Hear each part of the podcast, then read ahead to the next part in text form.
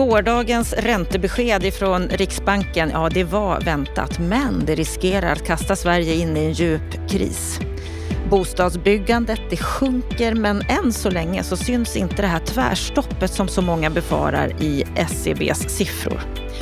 Årets första hyresöverenskommelse det var väldigt skickligt förhandlat av Hyresgästföreningen. Hyreshöjningarna de kommer att landa strax under 5 procent, det tror vår expertkommentator. Han ser också att kommunerna sänker priserna på mark men att deras sänkningar, nivåerna, de räcker inte. Varmt välkommen till veckans Aktuellt från oss på Bopolpodden. Ett avsnitt där jag befinner mig på stora kontorsdagen i Stockholm på Grand Hotel och därför kan du höra lite människor och ljud i bakgrunden. Men det är ju så när vi befinner oss i verkligheten ibland. Jag heter Anna Bellman. Varmt, varmt välkomna.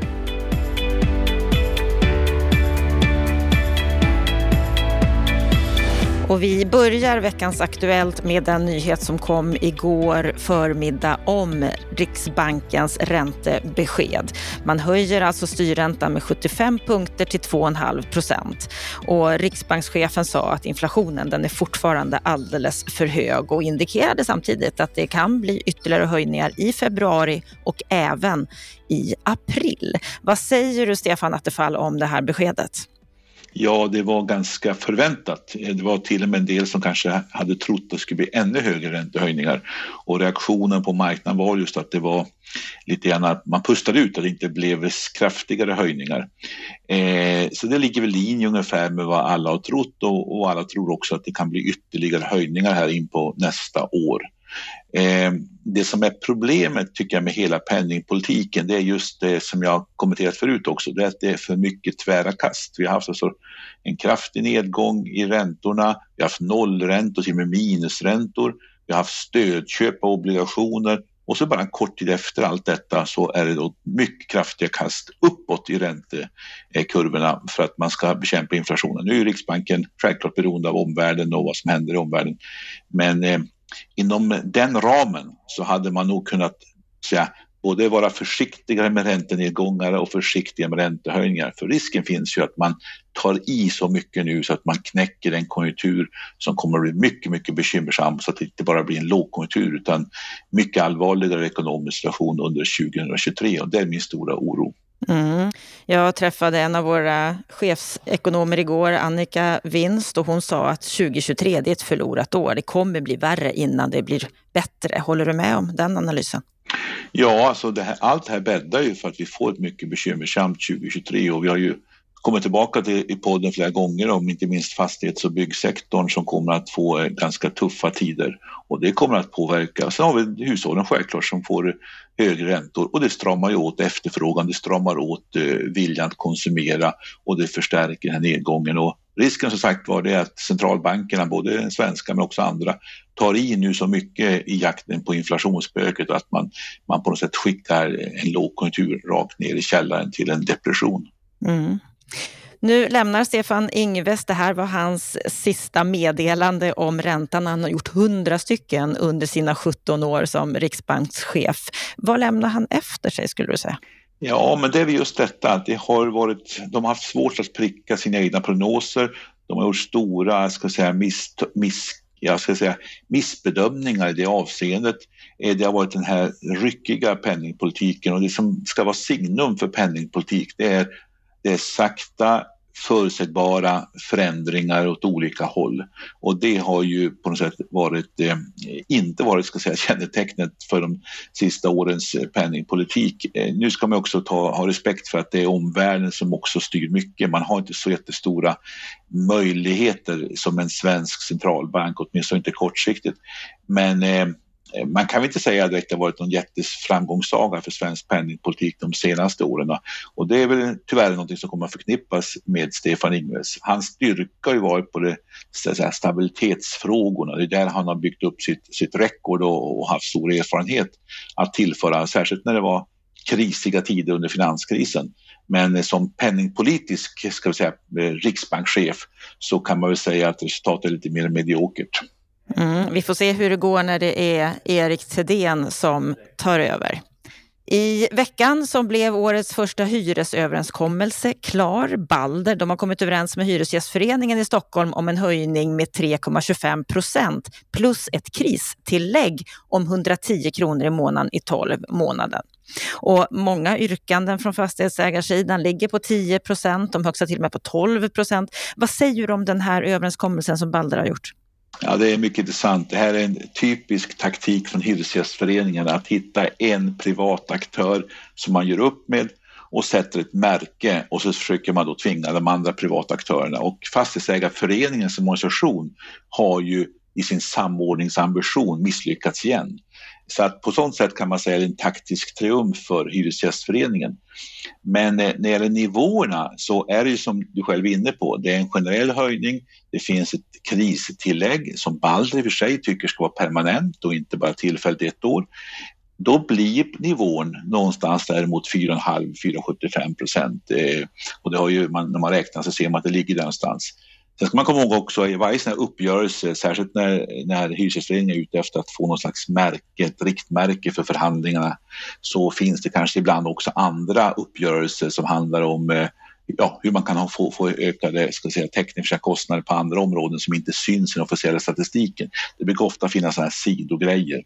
Men eh, jag tror sammantaget att man landar nu på den nivåer som jag har trott hela tiden man kommer landa på, kanske strax under 5 procent.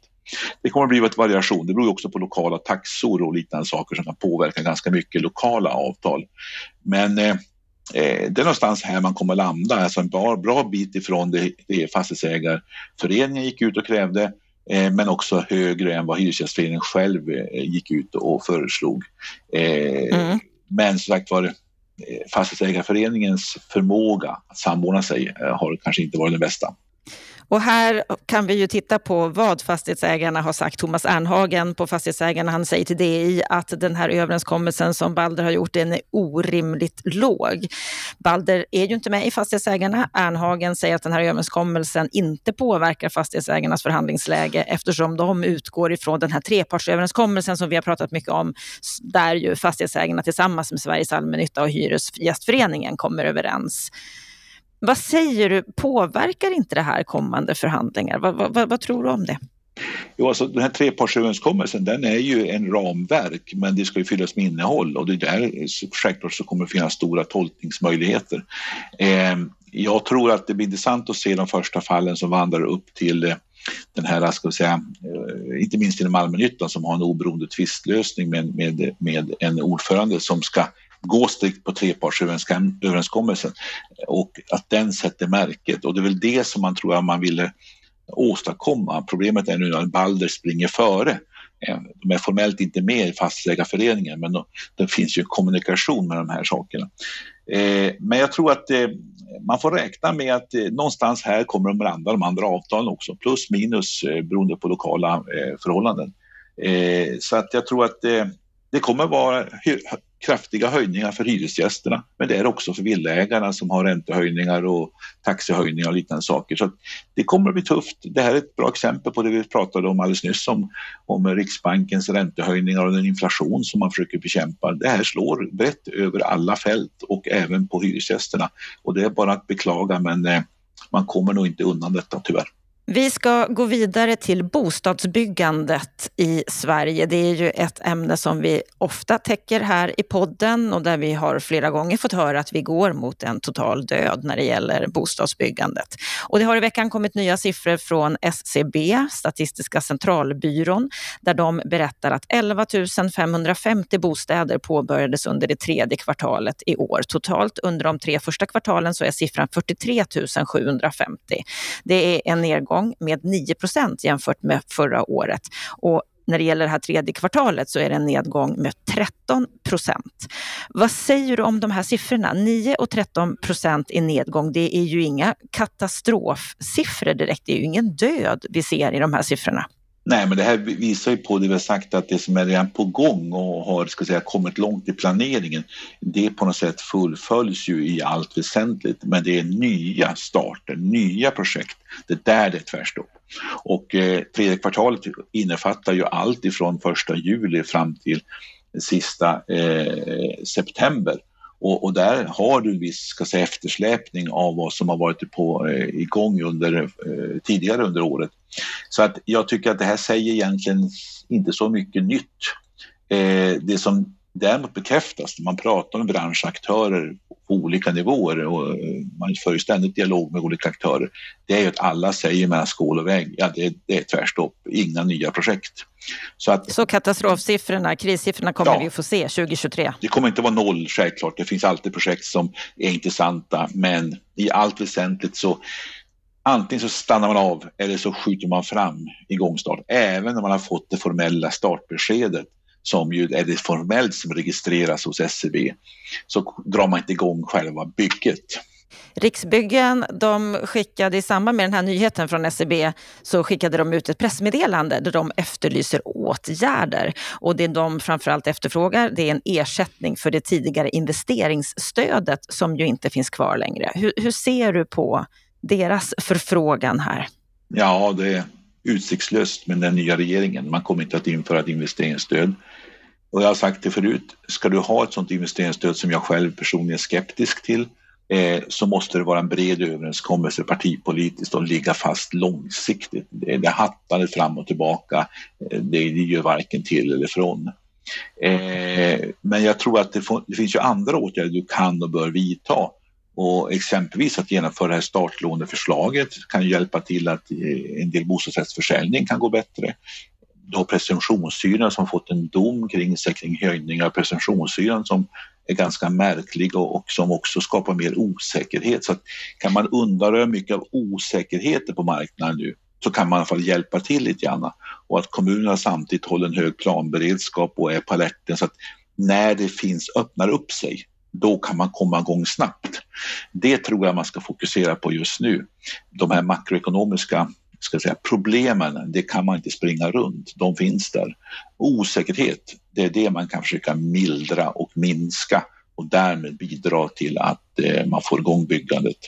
En annan sak som många eftersträvar och efterfrågar för att hålla igång byggandet, det har med markpriserna att göra. Och vi har ju tidigare här i Bopolpodden tagit upp att kommuner måste sänka markpriserna för att just hålla igång produktionen av bostäder. Fastighetsvärden de skriver nu om priserna i markanvisningar som har fallit och de har pratat med Johan Brisvall på markansvarig.se som vi också haft intervju med i Bopolpodden.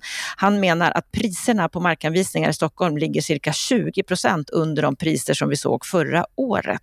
Vad säger du om det här? Ja, det är ju, jag tycker bara att det, det, är, det är lite intressant att det bara är 20 procent lägre de, eh, de ska säga, siffror han har kommit över.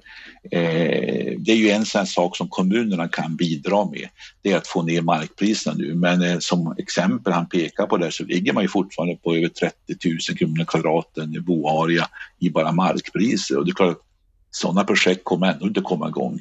Så jag tror att kommunerna måste vara mer proaktiv här och det kan kommunerna bidra med till att få igång bostadsbyggandet. Att eh, kanske både sänka priserna generellt men kanske också ge stimulans och säga att ja, drar du igång bygget inom en viss tid då får du x antal tusen i rabatt. Eh, här kan kommunerna spela en större roll men markpriserna måste ner. De här siffrorna är fortfarande för höga för att du ska få igång nya projekt. Och så finns det ju de som tycker att regeringen, de måste också göra mer för byggandet och visa att de vill något på det här området. Och bostadsminister Andreas Karlsson, han var i förra veckan med på ett seminarium som TMF, Trä och möbelföretagen, arrangerade och där upprepar han vad han ju har sagt tidigare om regelförenklingar, fokus på byggande av småhus. Och enligt byggindustri så ja, han tog sig inte riktigt tid att svara på frågor från vare sig publik eller press. Hur ser du på hans första tid som bostadsminister. Hur sköter han sig? Ja, han är ju fortfarande ny på jobbet och dessutom har ju då regeringen som sådan inte förhandlat fram någon, ska säga, eh, gemensam politik, varken i Tidöavtalet eller regeringsförklaring, utan det vi har att gå på det är de skrivningar som finns i budgetpropositionen som är mera viljeinriktningar. Så att här har du dilemmat då när vi står inför den här stora utmaningar i byggandet som kommer här nu och väller in över Sverige under inte minst 2023 så kommer, då har vi en ny regering som inte har formulerat sig och en ny bostadsminister. Det tar tid att komma igång. Jag tolkar också hans eh, första offentliga framträdande som att han har prioriterat det som är då det som har skrivits i budgetpropositionen och det som är i enlighet med eh, hans parti Kristdemokraternas prioriteringar och profileringar och det är ju att främja småhusbyggande där man ju kan med rätta säga att det har varit e, e, oerhört lågt småhusbyggande under många, många år. Och det försöker han nu ska säga, eh, profilera sig på men han vågar ännu inte riktigt ska säga, ställa sig inför frågorna om den breda bostadspolitiken för att jag tror inte han har så mycket svar att ge ännu och där håller regeringen på att försöka hitta en linje och det är viktigt att de gör det och att han gör det ihop med finansminister och finansmarknadsminister så man får en heltäckande eh, politik. Annars kommer han att jagas runt eh, kring frågor som inte ens är hans område, det vill säga exempelvis kreditrestriktioner och, och finansiella förutsättningar som ju inte han har den formella makten över utan ligger på andra statsråd och på regeringen som helhet. Mm, vi får följa hur det går för honom. Vi ska avsluta veckans Aktuellt härifrån Bopolpodden med klimatet som ju är en sån viktig fråga i de här tiderna. Dagens Nyheter de hade i veckan en stort reportage om klimatförändringar, extremväder, något som ju börjar få påverkan på den här svenska bostadsmarknaden också. Redan 2018 så slutade Länsförsäkringar att försäkra nyproduktion i områden som anses som utsatta för översvämningar. Och ännu så har inga försäkringsbolag slutat försäkra befintliga hus, men det kan också vara på väg. Staffan Moberg som är klimatexpert på branschorganisationen Svensk Försäkring, han sa så här till DN. Jag har hört försäkringsbolag prata om fastigheter längs en enskild gata där man inte vet om man kan fortsätta. Vad säger du om den här utvecklingen, Stefan? Ja, men det där är nog mycket intressant, särskilt när man har bebyggelse i områden där kanske kraftiga översvämningar kan vara eh, ska säga, mycket sannolika. Eh, och jag tror att eh, det vore mycket att, att man ger sig på kanske är skeptisk att nyproduktion att försäkra. Det har jag en större förståelse för. Eller åtminstone man, man markerar genom att premien blir högre. Men befintliga husägare, det måste ju vara ganska besvärligt om man ska lansera en sån tänkande. Då bör nog, ska vi säga, både konsumenterna rasa och även media och även politik. För det är klart att det ställer människor inför en mycket besvärlig situation. Det måste vara ett gemensamt ansvar. Har kommunen planerat bostäder och byggt, vi har byggt bostäder så måste man också ta ett ansvar för att människor kan bo där. Eh, men det här är ju en växande problematik, särskilt när det har att göra med översvämningar och så här hundraårsregn och olika typer av effekter som kan uppstå plötsligt i, en kommun. Eh, och där måste ju försäkringskollektivet ta ansvar för att inte enskilda husägare hamnar dåligt till. Men det är ett växande bekymmer. Vi har ju rasrisker också i olika delar av Sverige. Vi har eh, hur havet äter sig in och det som var 100 meter från stranden för ett antal, tiotal år sedan är nu strandtomt. Liksom, eh, så att det här finns ett växande bekymmer eh, och här tror jag både politik, myndigheter och bransch måste samtala om hur man ska skapa bra regelverk för detta. Men att vi kommer få se stigande premier i kraft av det här, det är nog mycket troligt och det kommer nog sen ganska snart. Mm, ett växande problemområde där olika aktörer måste samverka. Ett annat område där vi ser att aktörer behöver samverka det är ju att få bukt på våra utsatta områden. Och det här är ett ämne som vi fördjupar oss i på måndag. För då ska vi träffa Helena Holmberg som är BID-samordnare och BID är ju Business Improvement District, ett sätt att se till att vi jobbar bättre i de här områdena och hon poängterar fastighetsägarnas ansvar fastighetsägarna har ju ett enormt ansvar och det, jag tror att det är ganska få som riktigt förstår vilket stort ansvar de har. Det är bara fastighetsägaren som har rådighet över sin mark och dess användning inom ramen för dagens lagstiftning, skriver Boverket i en utredning.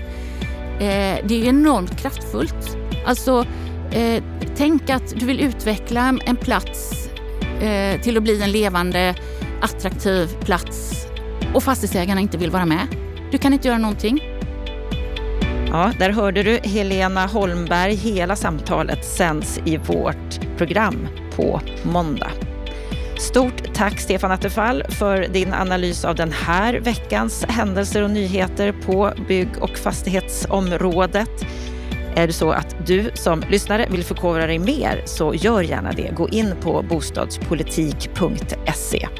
Och fram till måndag så önskar vi dig en riktigt trevlig helg.